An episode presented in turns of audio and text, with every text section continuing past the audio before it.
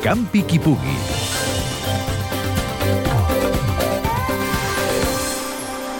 Les primeres setmanes d'activitat de la pista coberta d'atletisme a Sabadell, la primera de Catalunya, han deixat entreveure la necessitat que tenia l'atletisme de casa nostra d'una instal·lació com aquesta.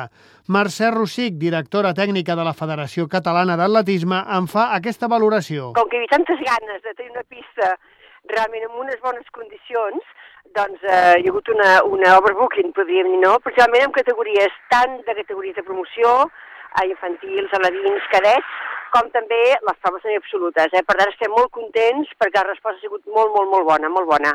Fins ara a Catalunya no hi havia cap pista coberta. Els nostres atletes, grans i petits, havien de viatjar a Saragossa per competir fins que últimament s'havia pogut habilitar un pavelló final a Vilafranca.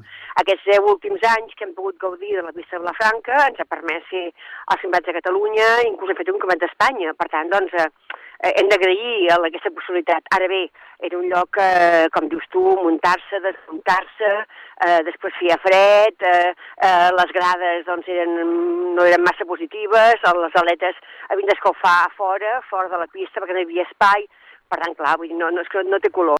Fins ara s'han fet a Sabadell diferents controls d'atletisme de base. Mercè Rossic parla de les qualitats i els defectes de la pista. És una pista molt agradable, és una pista que hi ha molta llum, molta llum, això sempre agrada.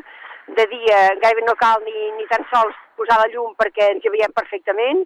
Hi ha una zona per escalfament, eh, no fa fred, no fa fred, i per tant jo diria que en aquests moments eh, inconvenients no en veig cap. Aquest cap de setmana, Sabadell serà escenari del Campionat de Catalunya de Clubs.